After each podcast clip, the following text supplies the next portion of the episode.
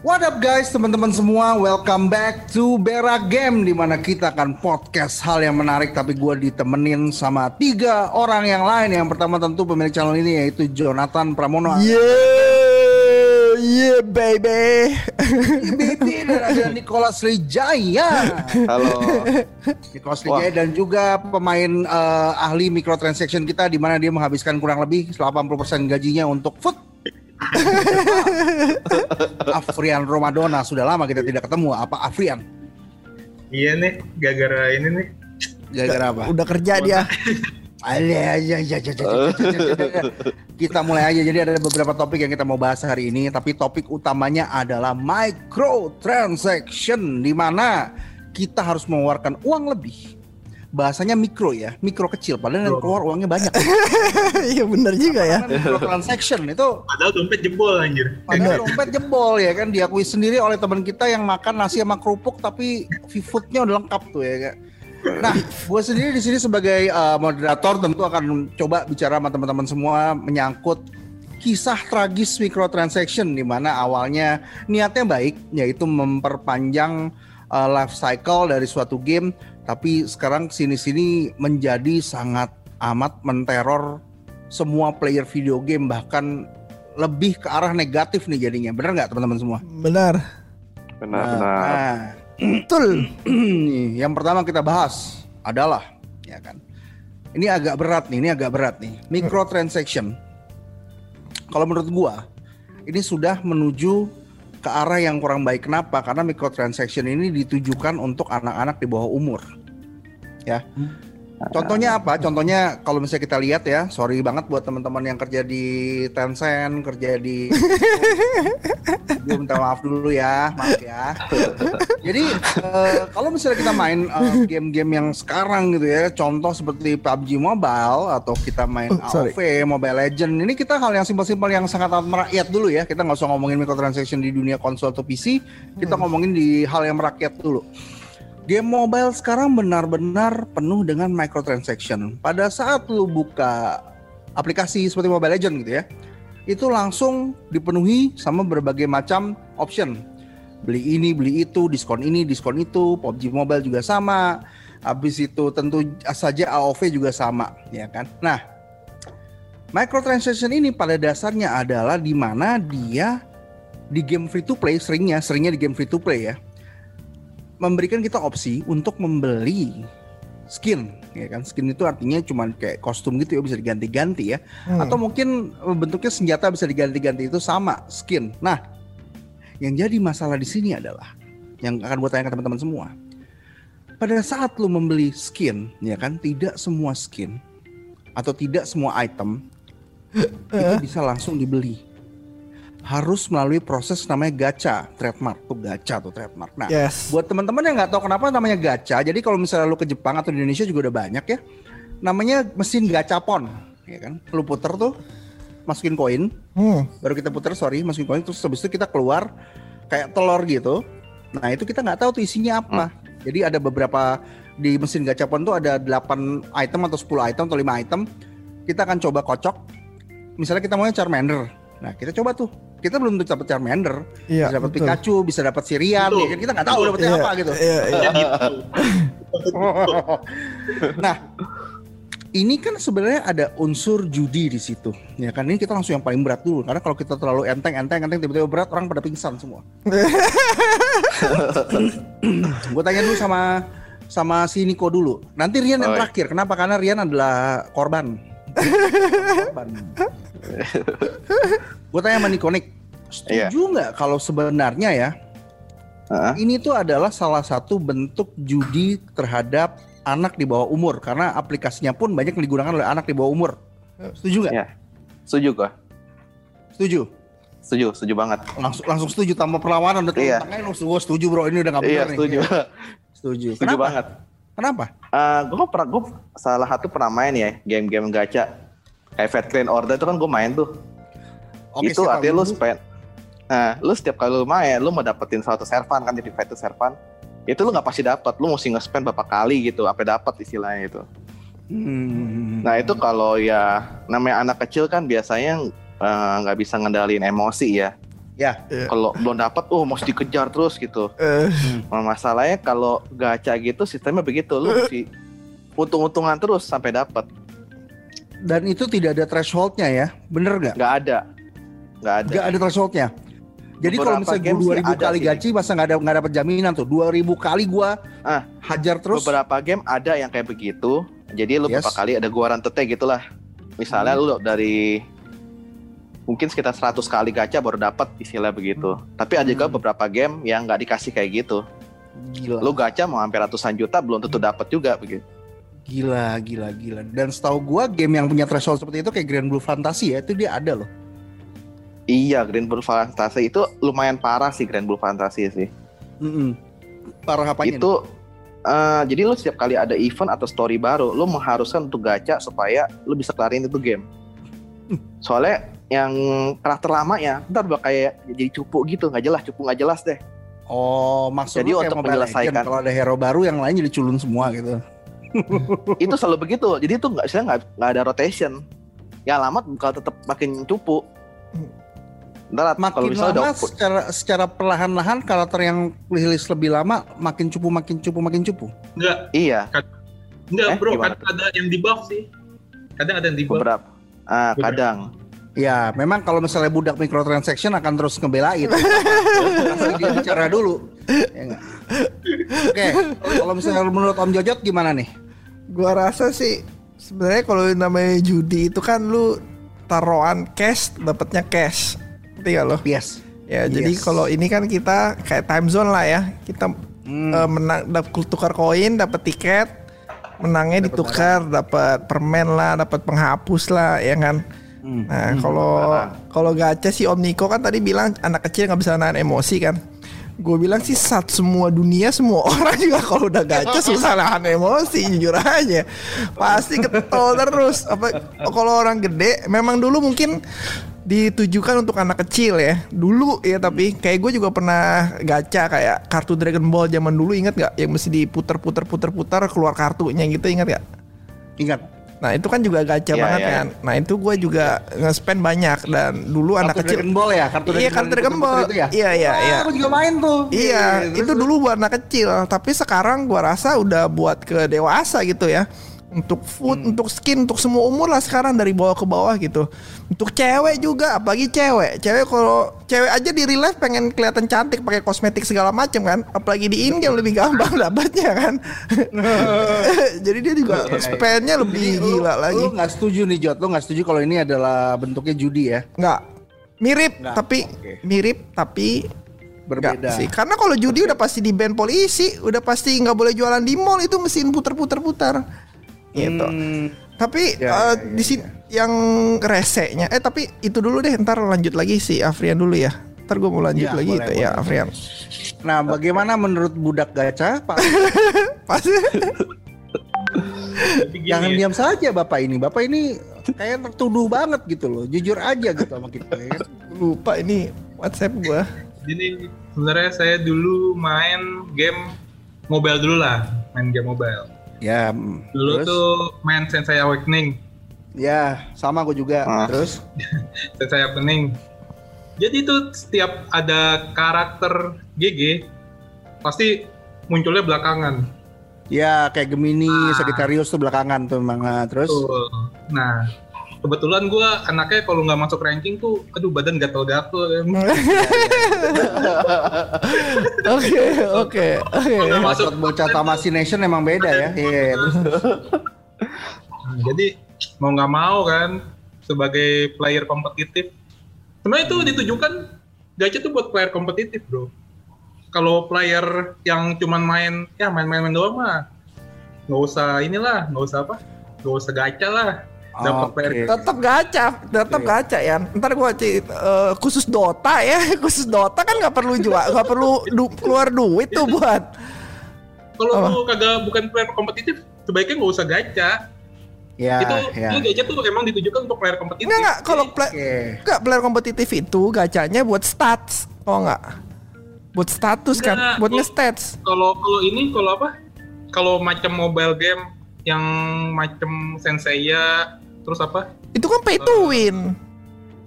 dan saya ini free to play juga sebenarnya. Ya tapi pay to win kan itu. Iya, tapi free to play juga. Iya. Gue dapetin story doang kan bisa. Iya. Kalau kalau kalau kalau Dota ya, Dota kan nggak nambah stats nggak nambah apa. Lu mau spend satu juta kalau lu cupu, mau ne- spend 100 juta kalau lu cupu, udah lu tetap gak bakal nggak bakal di top top top rank gitu. Kalau sensei kemungkinan lu spend orang spend satu miliar sama orang spend 10 juta pasti beda jauh dong levelnya, ya nggak? Enggak, Jadi enggak kayak. Jojot, Jojot udah spend di Dota internasional ini sudah keluar mungkin 35 juta. Enggak. Ribu Jojot sama gue skillnya sama-sama aja. Aja itu. Ya itu Tapi itu. sebenarnya buat ini sih player apa? Ya sebenarnya Jaca tuh emang cocoknya buat player yang pertama kompetitif, kedua Hmm. mungkin kata kayak lu Jot. Jadi pengen apa tuh mentereng. Jadi Iya, pengen, pengen, pengen keren, pengen gaya gitu. Jadi Iya. wah ini skin mahal nih anjay. Iya, iya, iya, oke, iya, benar, Ini, benar. ini berlaku juga di ini gua Dragon Raja. Oke, oke, oke. Tapi kebetulan Oke. Dragon Raja tuh eh, skinnya ngaruh ke stat juga.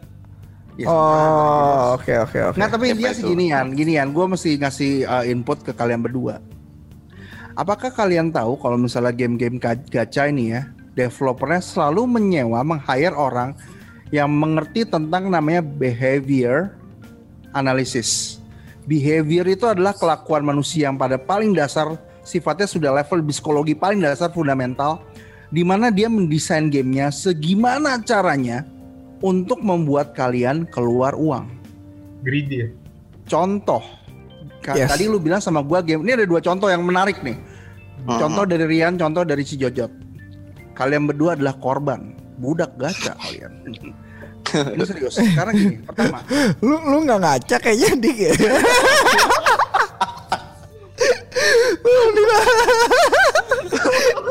Oke oke gak apa lanjut lanjut. Oke, oke, oke. Lanjut. Jadi kita ya. bertiga adalah budak gacha kalau gitu. Ya. Contoh behavior yang diambil adalah dia itu hidup dari para ikan paus atau kita sebut whale.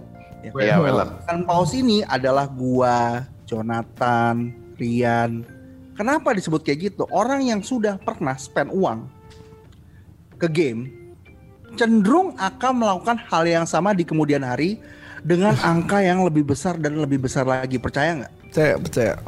Percaya. Setuju, Tahu setuju. kenapa? Iya. Ada dua Benar-benar. hal. Satu adalah mudahnya akses untuk membayarnya. Kalau lu nggak percaya, hampir semua microtransaction sangat mudah untuk dibayar. Game Riot Iya. atau kita sebut Rito ya kan, belinya bisa beli pakai aplikasi apa aja, pakai OVO, pakai GoPay, pakai uh, BCA transaction atau apa apa pun bisa.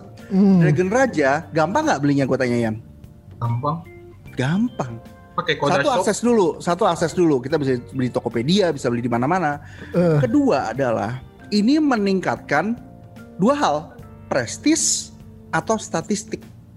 hmm. Di mana kalau misalnya bilang ini cuma buat game kompetitif aja bro, buat orang-orang yang mau kompetitif, men, manusia hidup itu semua kompetitif. Jadi sperma aja tuh kita kompetisi tuh menuju SLI. itu udah di program basic. Jadi gini loh, makhluk hidup pada dasarnya semua kompetitif. Nggak ada makhluk Ya. hidup yang nggak kompetitif, nggak ada. Namanya makhluk hidup pada dasarnya memang dibuat untuk berkompetisi. Ka- Kasarnya kayak main gundu aja kayaknya kita pengen menang gitu ya. Iya main gundu Hmm. aja mau menang ya kan cari gundu aja, susu ya kan. Iya, iya, iya. Susu lah. Nggak, nggak kelar tuh. Hmm. Main ular tangga lah, main kartu lah ya. Ya terus Iya. terus. Semua game Masalahnya. Hmm. kalau kita mau beli gundu zaman dulu, gundu itu yang bagus yang jagoan cuman harganya 3000 perak waktu kita kecil. 3000 perak udah cukup mahal tuh tuh dua hari uang saku gua. Sekarang untuk bisa menjadi kompetitif di dunia dunia eh, yang penuh microtransaction kayak gini, lu nggak cukup dari uang 10 juta, nggak cukup. Bahkan Setuju. ada beberapa game di Indonesia yang lokal yang ada skinnya udah mencapai angka ratusan juta sampai miliaran. Ini nggak bercanda, Iya benar, miliaran. benar. Gue nggak perlu sebut nama gamenya, tapi memang kayak gitu kenyataannya. Sebutlah itu satu skin di RO ada eh itu bukan. Iya, iya. satu skin di gitu, RO berapa? gue lagi Evangelion, jadi gue sebel banget tuh. Ya Berapa, berapa, berapa itu? Prestige, lupa Iya. gue, tapi gua Ratusan juta itu ya? Ratusan Iya. juta kayak atau Iya. miliaran gue nggak tahu. Ya ya. Nah, kalau misalnya memang game didesain seperti itu, prestige di bisnis seperti itu, itu memang orang kan bisa bertahan. Rata-rata orang dewasa itu lebih mudah untuk pakai logika. Jadi otak kadal pada saat kita gamble nih, pada saat kita mau melakukan suatu gamble tuh ada namanya otak kadal di belakang otak kecil di belakang tuh yang kayak yang bisa yang dipunyai kadal. Nah itu namanya fight or flight. Jadi dia memutuskan gue berantem atau gue kabur dalam situasi-situasi tertentu. Hmm. Kita di jalan nih lagi minum-minum hmm. ya kan. Hmm. Ada orang gede, ada orang badannya gede gangguin pacar kita. Kita mikir tuh pakai otak belakang kita. Ini gue berantem atau gue kaburnya tinggalin nggak usah berantem. Nah, judi juga sama. Otak orang dewasa seperti kita lebih terdevelop. Jadi kalau misalnya ada orang judi kalah, itu adalah tanggung jawabnya kalau dia sudah dewasa karena dia sudah tahu konsekuensi konsekuensinya. Iya. Tapi anak kecil enggak. Anak kecil belum otaknya terdevelop itu. Logikanya pasti kalah sama otak kadalnya dia. Pasti selalu, always, gak pernah never. Selalu itu. Jadi menurut gua ya, Tadi Jojo sempat bilang kalau emang salah, kenapa nggak dipolisiin? Nah, ada beberapa negara terutama di Eropa yang sudah memutuskan untuk melakukan kunci atau melarang semua sifatnya loot box, baik dari Overwatch atau dari game yang dibeli sama Rian, FIFA. Jadi FIFA hmm. itu footnya tuh udah nggak boleh tuh di Eropa. Udah tahu ya Yan ya? Tahu kan? Beberapa. Beberapa. Overwatch sih udah pasti udah nggak boleh. Jadi sistem loot box itu sudah nggak boleh sebenarnya. Jadi orang kalau mau beli ya bayar. Itu kenapa uh, Counter Strike atau game Valve yang lain kayak Dota atau Counter Strike yang lain hmm. itu dulu punya namanya situs gambling tersendiri. Mungkin kalian familiar. Niko familiar? Situs game tersendiri. Jadi kita bisa gambling item tuh? kita. Jadi jadi gini, gua gua ceritain dulu ya karena gua dari salah satu yang berhasil uh, untung dari site gamble tersebut. Gue sempat untung sampai 30 jutaan. Gue jelasin sistemnya gue punya item item gue dihargai sama site itu situs itu menghargai misalnya pisau gue harga 3 juta atau 4 juta atau 200 US dollar sampai 300 US dollar ya hmm. nah gue taruh item tersebut gue titipkan item gue ke site tersebut lalu dia meng menghitung kira-kira value-nya berapa sih inventory gue value-nya berapa nanti di situ gue bisa pilih tim misalnya yang mau main nih si Oh uh, iya iya iya. Tahu kan Fnatic atau sama Liquid, uh -huh. tim Liquid atau Fnatic mau ribut nih, ya kan? Iya. Mau berantem Ngebet. di pertandingan. Nah, nanti lu tinggal pilih tuh, lu mau taruh skin oh. lu di mana. Oh. Iya iya, dulu ada namanya Dota nah. apa gitu. Iya ada banyak, ada banyak, ada tiga. Yang paling besar ah. itu gue lupa. Hmm. Kan sempet jadi ditutup kan terakhir-terakhir kan? Uh, nggak ditutup, tapi gue akan jelasin, gue akan jelasin pelan-pelan nih biar buat teman-teman ah. tahu aja nih. Ya kan ini cuma pengetahuan aja, jangan dilakukan tapi ini buat pengetahuan aja. Hmm. Jadi karena waktu itu gue masih muda, gue masih umur 20-an. 28 something something kalau nggak salah waktu itu. Nah, gue coba-coba, gue punya pisau, buka dari case. Harganya waktu itu sekitar 90 US dollar. Gue taruh di situ. Nah, gue punya tim favorit namanya tuh tim Ninja. Mungkin kalian nggak familiar ya. Tim Ninja ini mainnya tuh penuh kejutan apa segala macam. Jadi gue merasa dia punya chance yang cukup besar untuk bisa menang turnamen ini. Jadi sepanjang turnamen gue pasang tuh pisau ke tim ninja terus. Tiap kali gue untung, gue dapat senjata lagi, rifle apa segala macam, gue pasang ke tim ninja. Dari harga 90 US dollar, begitu terakhir kali menang, gue udah dapat total 500 US dollar, ya kan? Gua Mantap dong. Ntar gue tutup itu sebentar. Ya nggak apa silakan. Gue ketagihan tuh kan, gue ketagihan habis itu gue terus pasang terus. Jadi besok-besoknya tiap kali lomba gue win lose win lose tapi overall win gue rasionya lebih banyak sampai akhirnya menjadi 1000 US dollar. Ya kan? Sampai gue terus main kayak gitu gue main roulette. Jadi ada roulette juga habis itu ada apa namanya pertandingan juga. Akhirnya gue berhasil menang berkali-kali. Sampai di angka 30 eh, 3000 US dollar gue item gue 3000 US dollar gue trading trading segala macam tiba-tiba hmm. Valve mengambil suatu keputusan yang membuat situs itu mati. Sekarang kalau lu mau trading item nggak bisa kalau tidak lebih dari 18 hari jadi kalau misalnya gue masih Jonathan, uh. gue sama Jonathan uh. temenan nih, baru tujuh hari. Nggak bisa trading? Nggak bisa trading, nggak bisa trading.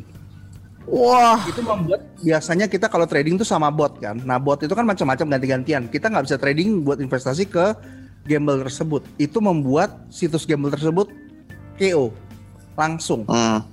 Kenapa Steam bisa sampai kayak gitu? Karena Steam ternyata diregulate sama orang Eropa. Dia ngelihat ini ada kecanduan apa namanya game di mana ini sifatnya dua perjudian.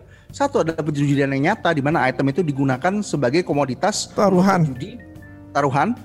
Dua adalah pada saat dia open loot boxes di situ masih ada sistemnya random alias hmm. masih judi juga. itu membuat Steam akhirnya mengambil keputusan untuk melakukan kebijakan tidak bisa melakukan trade lebih dari eh kurang dari 18 hari. Itu ceritanya historinya buat teman-teman yang nggak tahu ya. Ini cukup menarik Ini sebenarnya. suaranya jadi kencang nih. Nah. Bagus. Iya. T- Tadi lo apain? Suara gue udah kenceng. Nggak Tes- apa-apain. Lebih bagus, lebih bagus ini tadi. Lebih bagus ini sekarang. Oke, Iya. nggak masalah. kali. Kalau lebih dekat. Eh, nah, habis itu begitu orang sudah mulai menyadari ini ini ini booming nih kasus ini besar sekali. Jadi karena kasus ini terblow up, tiba-tiba negara-negara maju menyadari oh ternyata ada gambling untuk anak-anak dalam bentuk video game. Video game sendiri memang tidak ditujukan untuk anak-anak, tapi aksesnya banyak anak-anak yang Masuk. di situ, masuk Oke. di situ. Anak-anak tuh siapa? Anak-anak adalah orang yang dianggap belum dewasa atau di bawah 17 tahun alias remaja. Lulus SMA kita umur berapa? 18 ya? 18 Iya. 17 Gue gua. gue 17, Ya, gue 17. gua Gua 17 17. lulus SMA. Jadi kalau sampai kalian belum lulus SMA dianggapnya kalian itu masih eh, di bawah umur. Ya kan? Dan di bawah umur harus dilindungi. Kita sempat bahas sama Jojot ya kemarin di podcast yang sebelumnya ya kalau misalnya ini eh, sedikit pengawasan ke item-item apa namanya ke game-game dengan modus operandi seperti itu. Di mana menurut gua ini nggak fair. Kenapa? Kalau misalnya kayak si Jojot sama gua main Dota, main yang sifatnya cuman apa namanya, main yang sifatnya memang kalau misalnya kita Casual, beli- casual. casual. Kalau misalnya lu beli, misalnya si Jojot ini lagi main Battle Pass kan, Battle Pass ini kan ada kepastiannya tuh, ya kan? Iya. Kalau level segini lu dapat item ini, itu Iya. menurut gua microtransaction yang masih eh, oke, boleh. Tapi di dalam Dota tersendiri itu ada namanya kayak apa namanya eh, trophy-nya gitu, kayak chest-nya gitu, yang dia punya kesempatan kecil untuk mendapatkan item tertentu yang itu di situ di mana garis gua tarik. Kalau gua buat gua pribadi ya, di, di situ garis gua tarik itu itu gamble.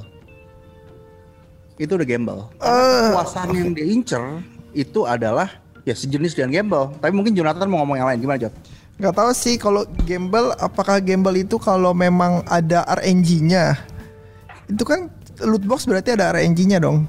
Ya nggak betul. berapa persen lu dapat ini, berapa persen lu dapat ini. Apakah itu semua yang ada Iya. RNG-nya lu bilang judi gitu. Kalau setahu gue sih yang judi itu kalau kalau lu kayak item lu lawan item ya. Itu gue rasa judi itu benar yang lu untung berapa juta tuh dik. 30 jutaan yang yang di website itu ya. Iya, nah itu betul, mungkin beneran judi karena itu lu taruhan satu lu dapat satu lagi gitu. Iya. Dapat itu ya kan lu bisa lu itu bisa hilang juga item lu kan. Ya kan? Bisa, jadi bisa, ada bisa. jadi ada timbal balik. Nah, itu kayaknya bener judi kayak judi gua rasa kayak saham juga lebih judi ya. Saham lu beli saham ya kan? Dapat lu bayar pakai duit kan. Begitu Hmm. lu cairin lu dapat duit juga kan? Iya. Iya, jadi duit lawan duit. Terus eh, forex lah, gold lah, itu beneran gambling yang ada resikonya gitu. Bukan bukan RNG doang, itu ada resikonya. Kalau RNG kan lu kan cuman memang pengen beli dapat gimana ya kalau gacha itu kan lu memang pengen beli dapat mainannya kan. Cuman mainannya aja kita nggak bisa pilih yang mana kan sebenarnya. ya beli tapi uh, kit- kita mendapatkan sesuatu yang nggak kita inginkan kita Ya, kayak wah ada ini Ya. nih tim of the year Ronaldo gue Ya. pengen nih beli satu Ya. paket tau-taunya dapat apa Nah, alaba doang kan alaba dapat ini Betul. apa namanya betul. Ya. Yang yang diomongin Jojot ini bener banget loh. Yang diomongin Jojot ini bener banget. Ya. Jadi sebenarnya kalau kita ngomong saham eh, itu memang agak abu-abu ya dibilang judi ya. Ya secara teknis itu judi. Cuma masalahnya sekarang kalau misalnya lu mau nanam saham, Mhm. Simpel deh, simpel aja deh. Kalau misalnya lu punya aplikasi namanya aplikasi yang terbaru yang namanya Bibit, ya kan? Atau aplikasi saham lainnya. Kalau aplikasi saham yang bener, Ah, putus. bukan bukan apa namanya, bukan yang autobit apa segala macam ya. Hah. Bukan yang nggak jelas kayak si apa namanya tuh yang rambutnya begini tuh waktu itu. Ingat? Oh, Binomo. binomo bukan, binomo bukan. Binomo, binomo, ini binomo tuh udah pasti bener itu. Karena aplikasi saham yang benar itu selalu minta kartu identitas. iya iya. KTP Ya, selalu minta KTP. Hmm. Sedangkan sekarang video game ini masalah yang yang kita lagi permasalahkan nih, video game ini tidak Kenapa? ada sama sekali standar atau akses di mana Hmm. orang udah cukup dewasa untuk membeli atau belum. Nah itu Hmm. nggak ada tuh. Sampai Ya. waktu itu ada bantuan sosial untuk COVID sempat viral di di TikTok dan segala macam. Bantuan sosial untuk COVID digunakan untuk beli skin Free Fire, man. goblok Game black. Itu game black Serius? banget. Iya. Jadi saking jadi bebasnya berarti ya. Kalau mis kalau misalnya lu mau tahu ya di Korea itu kalau misalnya lu mau masuk ID StarCraft lu atau beberapa game yang lain, lu pakai social ID number lu tahu kan? Hmm. Pasti udah pada tahu lah ya. Hmm. Yeah. Jadi yeah. lu nggak bisa sembarangan main game kalau lu di bawah umur. Bahkan setahu gua di China sendiri itu dibatasin loh dibatasin berapa jam lu main, berapa itu itu masih dibatasin banget. Sedangkan di negara ini bebas sebebas-bebasnya. Lu hmm. mau main game sambil pura-pura tidur, mak lu nggak tahu lu bisa main. Main Mobile Legends sampai malam jam 12, besok pagi sekolah capek, hmm. gak ngerti apa-apa. Istirahat nggak. Ini yang sebenarnya pelan-pelan menurut gua ya. Peran orang tua dong berarti. Gua, iya, yeah, ini yeah. kan kita nggak bisa kontrol. Hmm. Kita benar-benar nggak bisa kontrol ini susah loh dan itu baru masalah yang gameplaynya dia. Tapi yang jadi masalah sekarang kan microtransactionnya. Ke mana uang anak-anak ini gitu loh? Seberapa banyak perusahaan ini ngambil uang dari anak kecil yang tidak terreguler terregulasi dengan baik. Dan gue bener-bener kesel loh. Jujur aja gue. Ini ini ini masalah serius loh menurut gue. Jadi kalau teman-teman yang nonton ikut parah ya, kalian harus marah. Karena ini kita bicara masa depan anak-anak kita, ya nggak? Hmm. Tapi gini nih, kalau damage-nya untuk anak kecil ya, gue rasa anak kecil punya duit paling berapa sih gitu? Kalau kan yang penting harus ada kontrol dari orang tuanya kan. Gue dulu gacha Dragon Ball paling habis berapa sepuluh ribu gitu, dua puluh ribu, dua puluh ribu tuh mungkin kayak seratus dua ratus ribu zaman sekarang kali ya. Ya paling segitu aja, itu pun selalu dibatasi nama orang tua kan. Jadi damage-nya nggak yeah. terlalu gede. Nah, tapi ada orang tua yang gua rasa langsung masukin kredit card aja tuh ke dalam handphone anaknya itu biar nggak mau pusing tuh, ya kan? Nah, namanya nah, anak iya. kecil juga belum tahu ngerti cari duit, belum ngerti uang, belum ngerti nilai uang ya kan. Langsung aja gesek terus ya kan pernah sampai cerita tuh eh, gara-gara eh, game mobile habis berapa ratus juta, orang tuanya kaget yeah. gitu. Nah, menurut gua orang tuanya juga seharusnya ya udah gede gitu harus harus ngerti lah. Apa yang dimainin anaknya masa dia bisa kebobolan begitu ya nggak sih? Mm-hmm. nah itu gua rasa yang baru benar uh, kalau Mike uh, yang salah orang tuanya kalau misalkan anak kecil yang beneran gacha terus-terusan ya itu yang salah orang tuanya lah. Orang dia nggak punya akses apa-apa kok nggak dikasih akses sama orang tuanya mau dia main Tanpa Mobile akses dari orang tuanya tidak mungkin dia bisa melakukan transaction itu ya. Iya, biarpun dia main Mobile Legend ya. Hmm. Kalau nggak dikasih akses kartu kredit, ya anak kecilnya nggak bisa apa-apa. Kasarnya gitu kan. Kecuali anak kecil jenius, dia bisa ngehack kartu kredit orang lain lah, bisa bohongin temennya, bisa bohongin siapa kasih dia skin ya itu beda cerita ya. Iya, Tapi kalau iya, iya. Tapi kalau memang anak kecil bisa kasih damage sebesar itu, gua rasa sekali lagi bukan kesalahan anak kecilnya, salah orang dewasanya. Jadi sekali lagi hmm. microtransactions itu ya emang digunakan untuk orang dewasa, either untuk anaknya itu orang kek, either untuk dirinya sendiri kek. Tapi yang punya duit jelas-jelas sudah pasti orang dewasa. Menurut gua sekali lagi. Oke. Okay. Ya. Oke, oke, oke, oke. Itu itu itu input yang cukup baik buat teman-teman yang mungkin udah mulai punya anak, yang mungkin udah mulai lima tahun ke atas ya. Hmm. Karena kita mesti benar-benar hati-hati sama ya. uh, lu masukin kartu kredit di device lu, terus hmm. device lu dipakai sama anak lu. Uh, itu ada ada kemungkinan, bukan bukan pasti ya, tapi ada kemungkinan anak lu secara tidak sengaja dan tanda kutip tidak tahu kalau uang itu bagaimana cara kerjanya, gimana cara dapetinnya, dia spend aja tuh ratusan juta tuh ya, yeah. mana gitu kan. Hmm, Tapi yeah, memang yeah. ada beberapa kasus kecil, kecil yeah. nih kecil ya, gue nggak bilang majoritas ya, yeah. majoritas enggak. Memang ada yang sampai jual-jual barang di rumahnya di Tokopedia atau sampai orang tuanya tuh ada, itu ada, emang ada. Iya ada. Kayak kasus yang artis kemarin tuh, tapi gue nggak perlu sebut namanya. Jadi hmm. anaknya dia itu uh, ngambil kartu kreditnya dia buat belanja game online sampai ratusan juta terus heboh hmm. di sosial media ya. Iya iya. Ya itu kecil lah, tapi ya jaga-jaga aja, jaga-jaga aja. Karena intinya yang Jojot itu bilang tuh bener. Hmm. Intinya adalah bukan cuma jaga akses, tapi memberikan info ke anak kita kalau misalnya ini bukan ditujukan buat kamu. Kamu nggak hmm. perlu belanja ini ya kan? Kamu hmm. cupu mah cupu aja. Langsung dijatuhin dik. cupu aja. Iya. Jangan kayak bapak. Bapak mau keluar ratusan juta bodoh amat lu. Cupu mah cupu aja.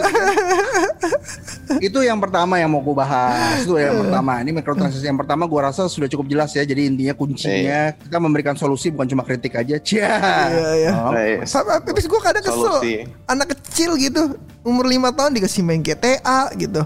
Kan ah, aduh. Iya ngerti gak? Itu GTA kan udah dan kadang-kadang kalau kita komen gitu kita kita uh, bilang sama mereka ini iya. bukan konsumsi buat anak lu kita kasih tau kayak gitu kan ke mereka iya. kan dia marah kan kadang-kadang iya dia marah gitu loh padahal betul, memang itu betul hmm. percaya nggak percaya video game itu tidak membuat orang jadi uh, keras atau kasar enggak hmm. waktu mungkin kalau misalnya lu bilang enggak gue nggak apa-apa kok dulu waktu kecil gue main Mortal Kombat nggak apa-apa gue gede fun fun aja tapi percaya deh kekerasan yang terus menerus ke anak yang otaknya belum terdevelop itu akan berpengaruh Mhm. satu Iya. dan lain hal itu sudah ada banyak researchnya jadi kita ngomong tuh apa ya nggak nggak cuma ngomong gitu lu boleh google sendiri research kekerasan di anak kecil baik kekerasan yang real yang video-video yang grafik yang gore gitu Heh. film atau movie Hmm. dan game itu mempengaruhi pengaruh untuk otak anak kecil jadi Iya.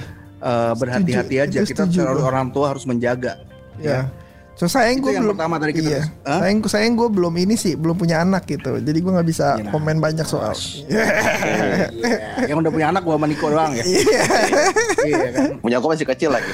Iya, nanti mungkin nanti gua rasa si Jojot begitu udah punya anak, dia pasti kebetulan dia kan sama teknologi kan ngerti, jadi tahu Iya, apa pasti, yang mesti pasti tahu. Iya. betul betul betul Masalahnya banyak orang yang nggak seperti kita gitu loh, yang tidak memahami ini. Ini yang jadi masalah di negara ini sebenarnya. Masih banyak yang nggak nggak mau tahu dan tidak ingin tahu gitu loh. Bayangin Iya. ya, udah nggak mau tahu, Meremehkan lah itu. Iya. remehkan, nggak mau tahu, nggak nggak mau, gua nggak mau Iya nggak mau tahu iya bener pengen tahu gitu loh. iya Bodo itu yang amat masalah Anak gue kayak gimana? Pokoknya anak gue diem. Gue kasih iPad, anak gue diem. Itu Iya. itu itu yang yang Itu. yang nggak bagus. Ta- tapi gini gini Dari- lu lu berdua kan punya anak nih Om Niko Om Andika nih ya Hmm.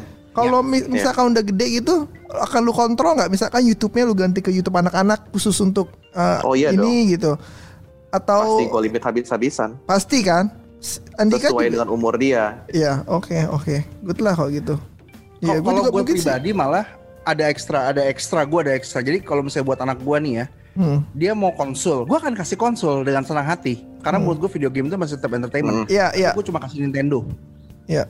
Enggak tapi kayak Karena Lego Nintendo- gitu kan aman, Lego lah, ya Lego kan? aman, tapi aneh kata di elektronik kan semua temannya pasti punya. Kita nggak mungkin kan anak Iya. teman-teman Iya. anaknya punya iPad, punya apa kita nggak ngasih, kita kasih. Hmm. Iya, Cuman kalau misalnya untuk untuk handphone mau nggak mau, gue terpaksa terpaksa beli ya Apple karena dia proteksi ke anaknya ada. Sama kayak Nintendo. Nintendo itu punya proteksi ke anak-anak. Lu pada tahu nggak ada aplikasi itu? Di Nintendo Kalau Nintendo nggak pernah pakai gue. Di, di Nintendo Switch itu ada aplikasi yang benar-benar bisa kontrol jam main anak lo. Kapan dia main dan game apa yang dimainin serta lu bisa membatasi kontaknya dengan orang lain. Wow, this is new. This Wah, is new, man. Hebat Wah, baru Nintendo. Lu bisa cek parental control Nintendo Switch di Google sekarang dan lu akan kaget bahkan dia punya YouTube videonya sendiri yang main Bowser sama anaknya. Bowser Lu bisa cek presiden yang baru ya? bukan Oh, enggak apa. Bowser Bukan. yang itu Bowser, Bowser, Bowser. Iya. sama anaknya itu dia nunjukin gimana sih cara parental control di Nintendo Switch dan itu bagus banget. Oh. Bagus banget. Bagus banget tuh. Dan masih belum ada di di konsul lainnya belum sempat kepikiran sampai situ padahal kita Oh, kita nggak mungkin larang anak kita main lah. Gue juga main Nintendo dari umur 4 tahun. Iya. Iya, iya. mungkin. Apalagi- Iya, iya. mungkin. Iya. Apalagi anak-anak kan harus juga bersosialisasi sekolahnya. Iya, Dan dia nggak main sendiri, dikucilin. Iya, benar, Pasti, benar, Karena kalau iya. misalnya lu ke sekolah gitu ya, eh lu main Dota nggak? Dota tuh apaan? Wow, udah, Udah habis. bully.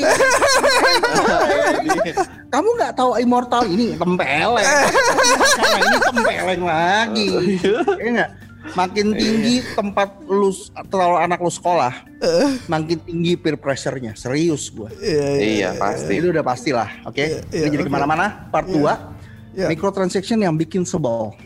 Akhir-akhir ini lu pasti tahu kalau misalnya EA bikin iklan The Boys, serial favorit gue juga tuh di Amazon Prime. Jod lu Iya. mesti nonton. Oh, gue tahu, gue tahu. Oke, lanjut, lanjut, lanjut, lanjut. Gue tahu di Nah, kasus ini. Dia itu iklannya itu nongol di tengah-tengah video game di harga gamenya Full price. USD 60 US dollar, ya kan? Ini gara-gara biayanya EA nih, eh, si bosnya si Rian nih, Afrian Ramadona tuh bukan. Nah, pertanyaan gue sama teman-teman semua adalah video game kalau misalnya lu udah beli dengan harga price yang cukup tinggi 30 sampai 60 US dollar, apakah masih boleh melakukan microtransaction? Kita mulai dari Pak Afrian dulu nih, ya kan budak IE. Saya mau nanya, Pak. Itu jadi gini gini Ian, lu lu kayak kayak di mobile gitulah lagi main tiba-tiba ada iklan gitu. Nah di game UFC ya, UFC bukan sih, Dik? kayaknya UFC. Tengah-tengah Nah, jalan tiba-tiba ada iklan The Boys. Di replay, Gila di replay, banget. di replay. Di replay ya, Dan gila itu, banget. dan itu bener-bener hampir full screen. Waduh, penuh tuh. Edan. Tapi itu Gimana, Yan? Bukan microtransaction-nya kan? Ya, bukan iklan-iklan itu. Cum- Iklan. Cuman apa? Cuman iklan kan? Hmm. Ya. ya itu sih emang developernya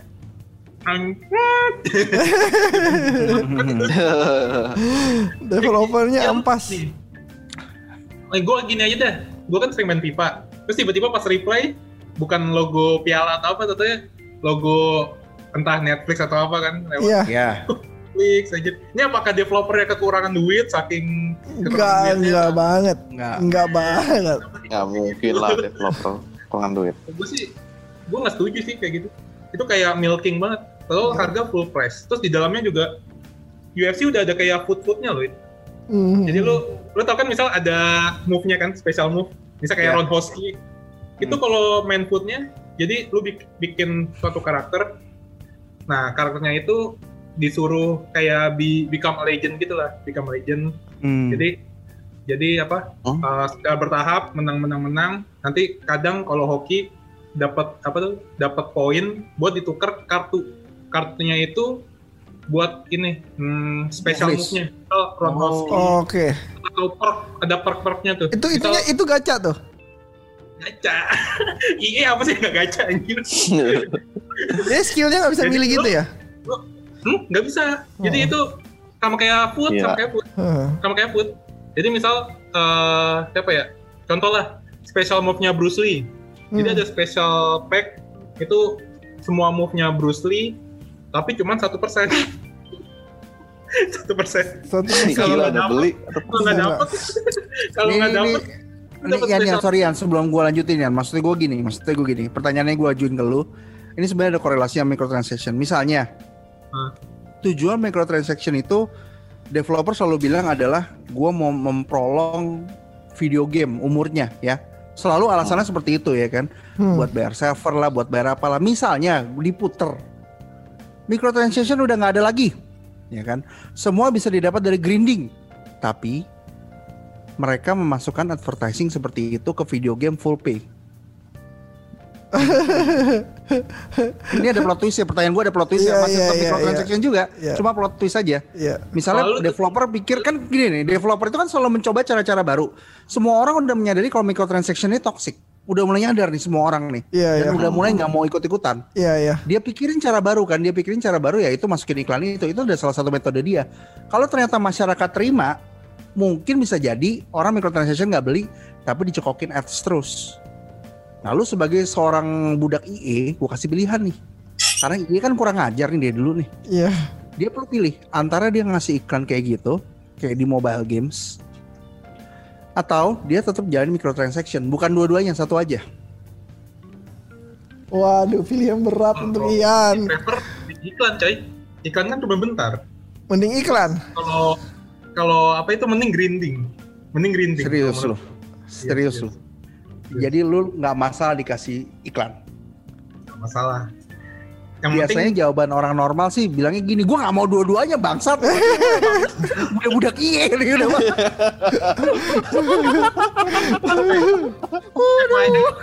Lu cuma nonton iklan doang coy kayak apa? Kayak YouTube dah. YouTube free kan cuma nonton iklan paling berapa menit. Kecuali gue emang sih kalau lu- premium shop gue nggak tahu ada iklan gitu Oh iya, gue sih. Gue pakai itu adblock. Gue masih gratis.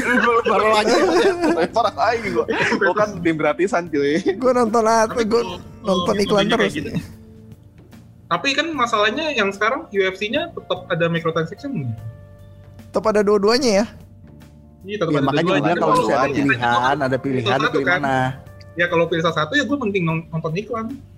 Hmm, Terus- oke, itu itu lu ya, itu lu ya, itu lu ya.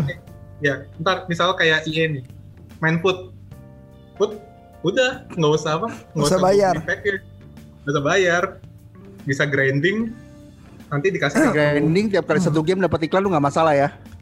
Nah, salah, yang penting iklan ya elah cuma replay doang. Kan kita juga nonton bola kan, nggak ada iklan. Gitu. Hmm. Ini tau nggak kenapa kita ngajak Rian? Karena kita pingin tahu apakah otak budak IE dan otak manusia normal. Ternyata berdasarkan podcast kita kali ini meskipun dengan variabel yang sedikit dan sampelnya cuma satu orang ternyata memang otaknya berbeda. Udah sudah cukup ya. Nggak perlu lagi ya. Ntar lu gak dapet player bagus loh Yan. Eh, kalau di kalau lu nggak nggak pakai beli loh Yan. Lu mesti grinding lama banget gitu. For your information, kenapa gue dibilang budak EA soalnya ada objektif coy. Jadi untuk di uh, kan ada event nih dapetin apa player klasik Ya.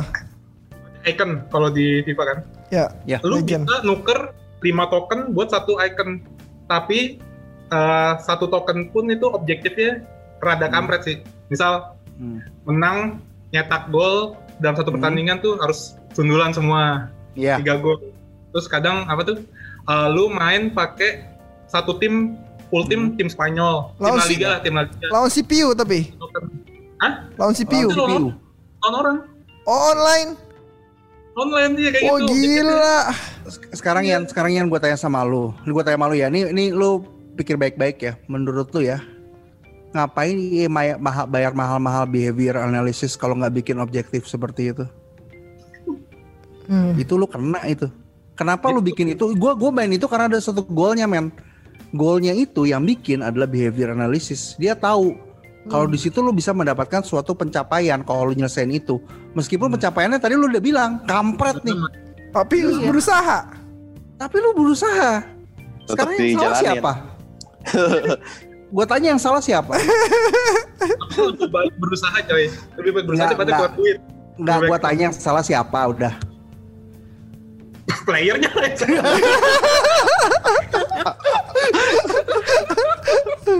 lah yang salah. Enggak ya, yang salah bukan bukan player ya, yang salah itu adalah tukang buah. Lo Nggak tahu kenapa. Karena tukang buah udah tahu tuh akuarium malah dimasukin buah tuh goblok tuh sumpah tuh.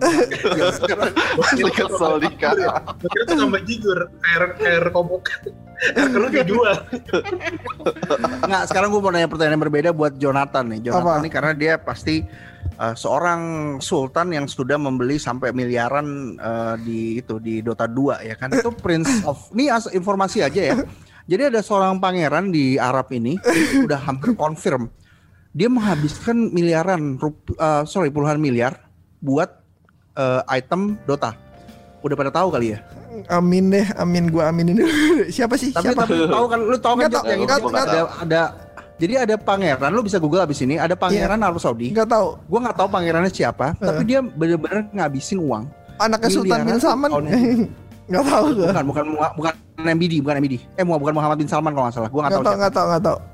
Bukan MBS, tapi setahu gue bukan MBS. Pokoknya dia ngabisin sampai puluhan miliar. Nah, Jojet ini mungkin belum puluhan miliar, baru miliaran ya.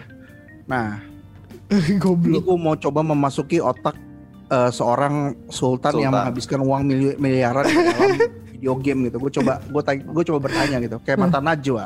Beda ini mata Andika agak sipit dikit. Jadi gini Pak Jonathan. Apa yang ada di pikiran Anda pada saat beli level baru buka level battle pass ya kan? Terus, terus tiba-tiba Anda mikir, "Oh, ini mungkin bentar lagi kurang nih, mesti beli akasa nih tambah 200. Kurang push doll nih, push boneka, boneka push yang twing Iya, iya.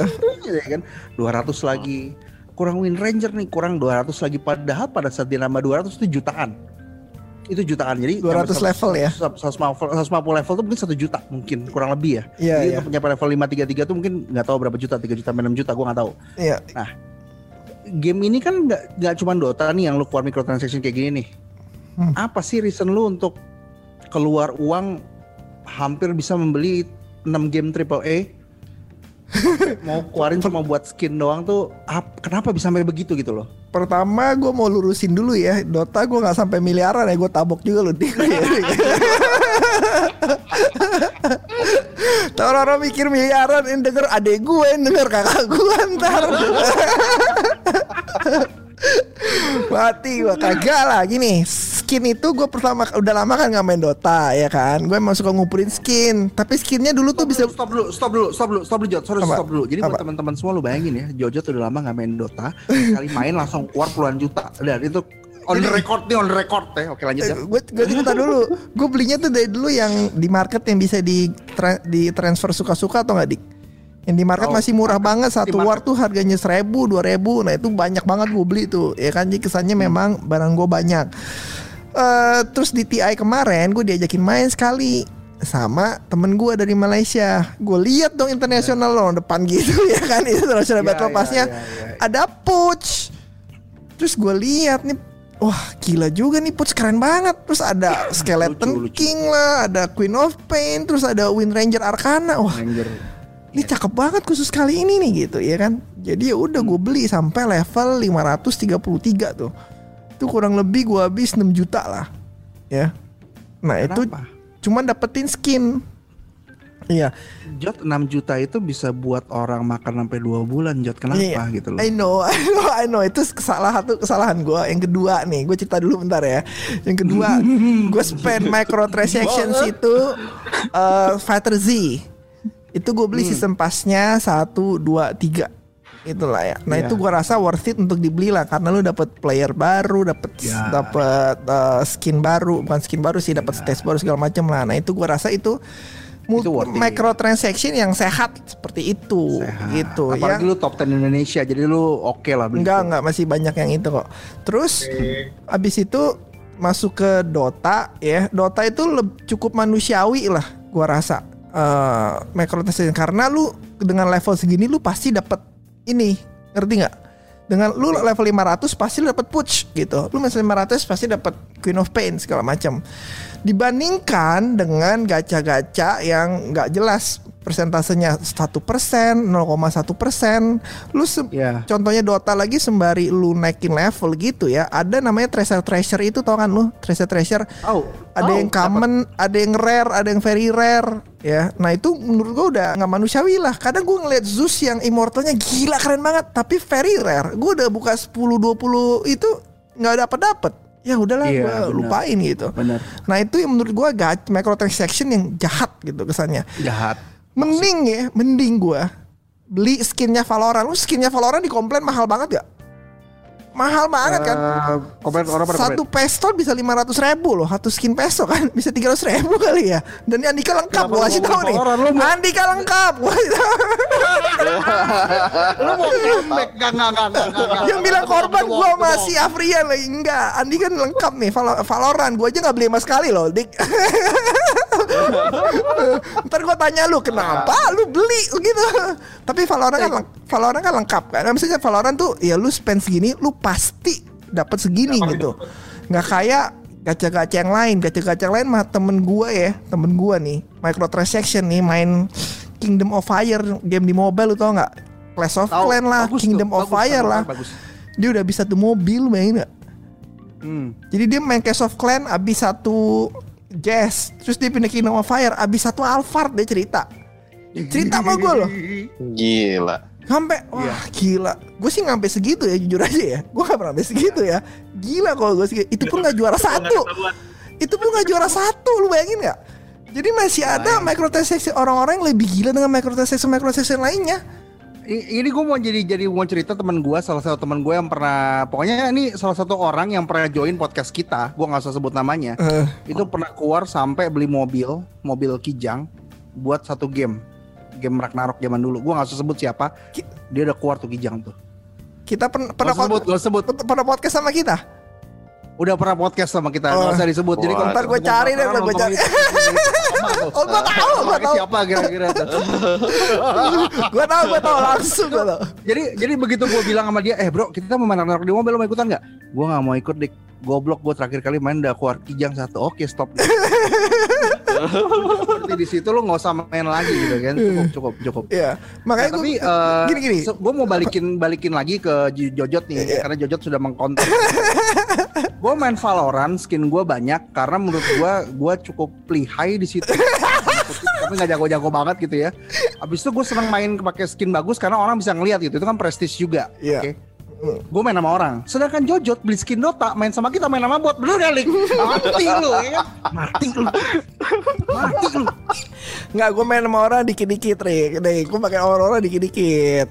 Ada, ada. Cuma sama lu pada latihan gitu. Tapi jarang banget sih.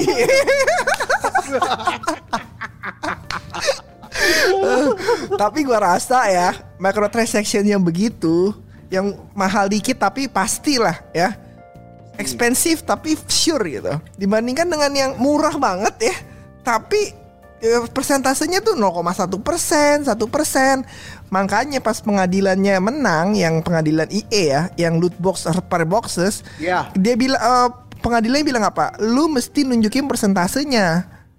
Iya dong. Nah itu lebih lebih make sense. Sekarang sih banyak banget yang jahat banget lah menurut gua microtransaction ya. Cuma kalau yang fair fair begitu ya menurut gua gua lebih lebih con- condong ke yang mahal dikit tapi gue tahu gue dapetnya apa gitu.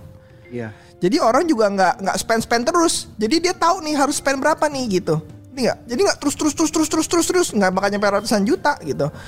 Karena ratusan juta karena kita nggak tahu ujungnya gimana. Aduh sekali lagi deh. Aduh sekali lagi deh. Aduh sepuluh kali lagi deh. Ya kan? Lagi, aduh sekali lagi deh, Alphard deh, temen gue, Iya. jadi ingat temen gue tuh, Iya. gacha di Dragon Raja eh, ada satu kendaraan nggak dapat dapat tapi dia Gacha terus gacha kan? terus Apa? Iya. Temen Itu Jojo, temen jahat gua. gue bilang. Itu jahat. Teman Jojo atau teman gua? temen, temen lu, dia, tem- di, Ih, temen gua. Di temen Gua tahu gue juga. Udah kau sebut. Udah, udah, udah. Udah cukup, Iya. cukup. Dah, Eh, oke. Raja sama gue Jangan sebut jangan sebut eh, apa aibnya dia karena nanti takutnya pas diundang bangke lu udah jelek-jelekin gua. udah udah kau sering sebut temen gue emang bangsat-bangsat semua. Kalian nih bangsat semua nih. Nah, lanjut lagi gue pertanyaan ke Om Niko. Om Niko ini kan termasuk cukup apa namanya dari kita bertiga nih cukup eh sedikit gue rasa lu sedikit mengeluarkan untuk microtransaction karena lu kelihatan paling kalem tuh kelihatan nggak emosian nggak gue Iya bener. Bener bener bener. gue mau tanya buat Ah. lu yang eh, regular people yang nggak nggak nggak nggak emosian sama microtransaction sudah habis berapa buat microtransaction Om Niko? Microtransaction. Kalau dari game mobile gue ada sekitar 6 kali ya 6 juta ya. Overall Game seumur mobile. hidup tuh. Overall seumur hidup itu.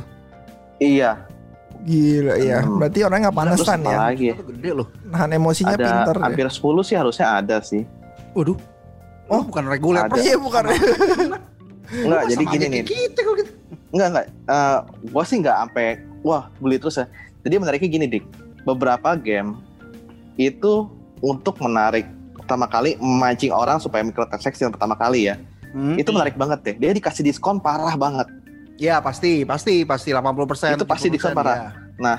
Nah, setelah diskon pertama, tadi dikasih lagi diskon dikit-dikit nih.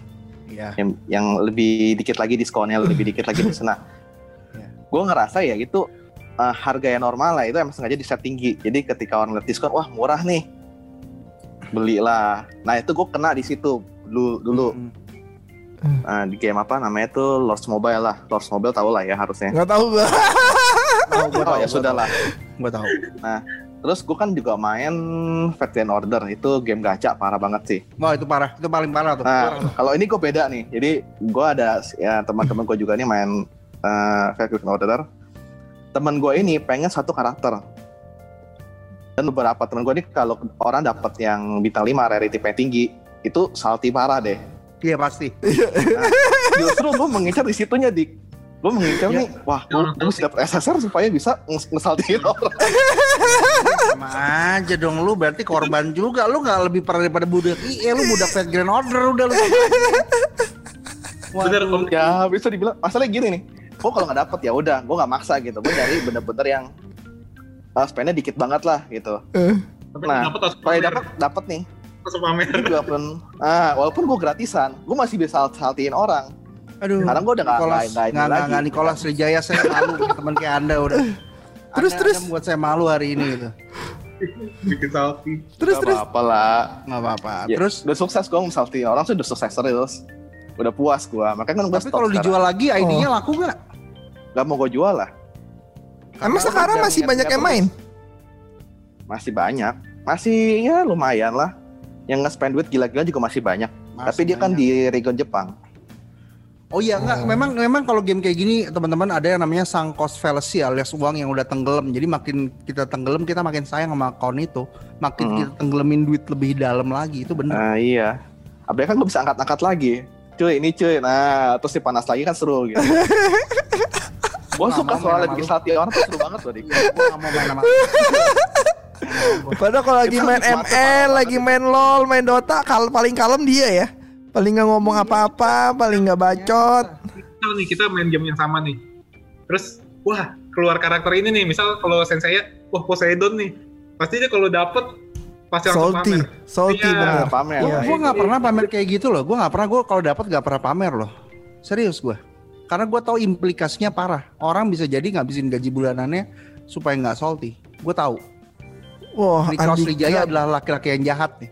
Andika Nah, iya, bijak emang itu dia. sekali. Andika bijaksana Aduh. sekali Anda. Andika, Pastilah. gila. Pastilah, tapi gue belum selesai nanya nih karena gue tadi udah nanya Iya. kos, gue kan nanya kos ke kalian semua. Damage cost Bapak Afrian Ramadona dari pertama kali main foot, apakah Bapak punya Excel-nya? Eh, dari pertama kali main foot gue 2014. So- sorry sorry bukan foot, semua total microtransaction yang udah lu bayarin pakai uang real, bisa nggak dikasih estimasi kasarnya aja? Bentar. Dragon Raja aja udah gini. Iya, 30. 20 juta, 20 juta. 20 juta, Nick. Eh, Ian. Serius lu, Ian? Oh shit. Wow, Brian. Terus Gila. berapa ya?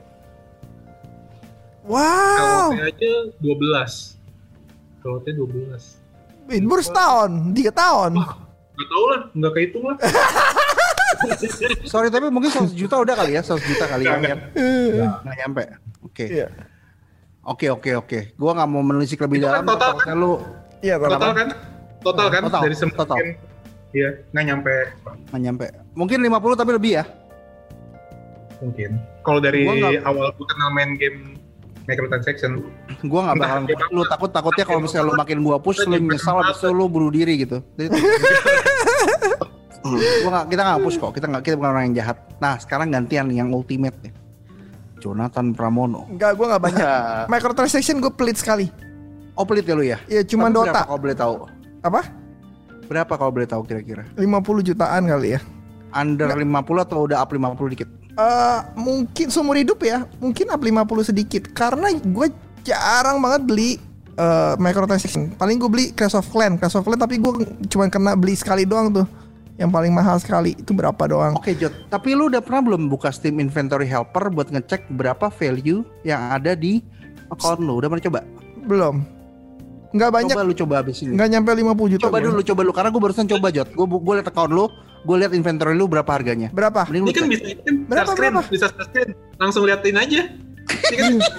Coba coba, gue mau tahu berapa benar. Paling mahal benar di Steam. ya? Paling mahal Oke benar buat teman-teman yang mau tahu, ini gue bakal bakal open ini ya, bakal open apa namanya? Bakal Nah, tapi ini gua. gimana ini? Share, ini share, share screen. eh dik dik dik. Oh. Lu mesti tahu eh, account gue ini banyak ba- banyak gamenya bukan microtransactionnya. Itu kan Oh, iya, dihitung enggak, pasti enggak, sama enggak. gamenya. Itu cuma inventory aja, cuma inventory aja. Inventory Dota gue maksudnya. Inventory Dota lu aja. Oke coba coba coba. Tapi gue share screen Berapa bisa ini host gua? disable participant screen sharing. Eh, gimana caranya gue oper ke lu? Steam Inventory Tool. Jadi buat teman-teman yang nggak tahu, ini website ya. Steam.tools item value. Oke, Steam ID. Fetch. Loading. Karena mungkin itemnya di si Jojo udah terlalu banyak ya. Oke, bisa. Nih coba Dota ya. Tuh murah. Tadi tadi tadi tadi tadi bisa. Itu nama itu bukan Dota, itu bukan Dota, itu bukan Dota. Ini Dota nih. Oke. Sekarang total lu adalah oh enggak 16 juta ya bener si Jojo. Iya kan? Iya bener, nggak bohong Jojo. Iya, paling mahal Soalnya justru di sini. 16 juta. Dan eh, gua nggak hampir Oke, bentar, gua view dimatiin screennya boleh nggak 16 juta berarti ya? Ya, gue stop share. Ha. Oke, Hmm. jadi iya eh, ske- gue memang paling banyak memang spend di Dota karena dulu gue mainnya sering banget tuh lihat kalau lihat watch playtime gue tuh 1000 jam lebih tuh main Dota. Biarpun nggak jago-jago Hmm. sampai sekarang ya, biarpun culunya tetap maksimal.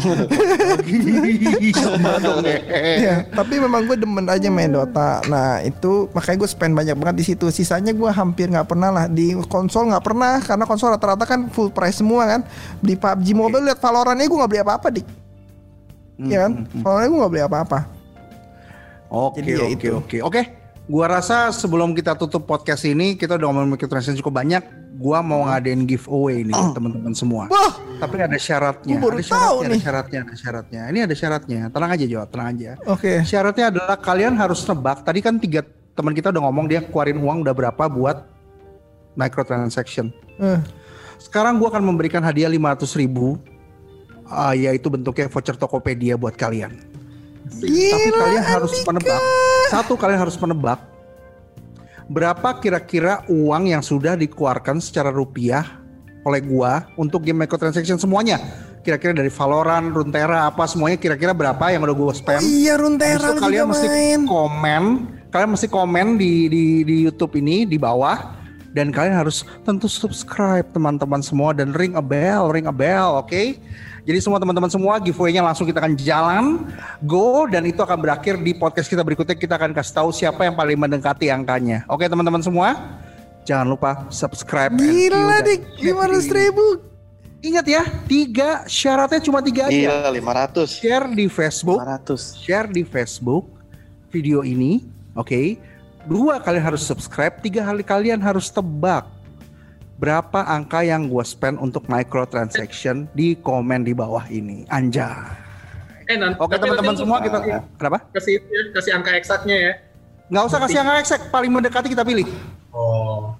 Oke teman-teman Oh, semua. mudah-mudahan banyak yang denger nih ya. Mudah-mudahan. Pasti lah, ya kan mereka, mereka harus share, mereka harus share, oke? See you Iya, guys oke. next time, thank you, dadah. Bye. Ah. Mau main dulu.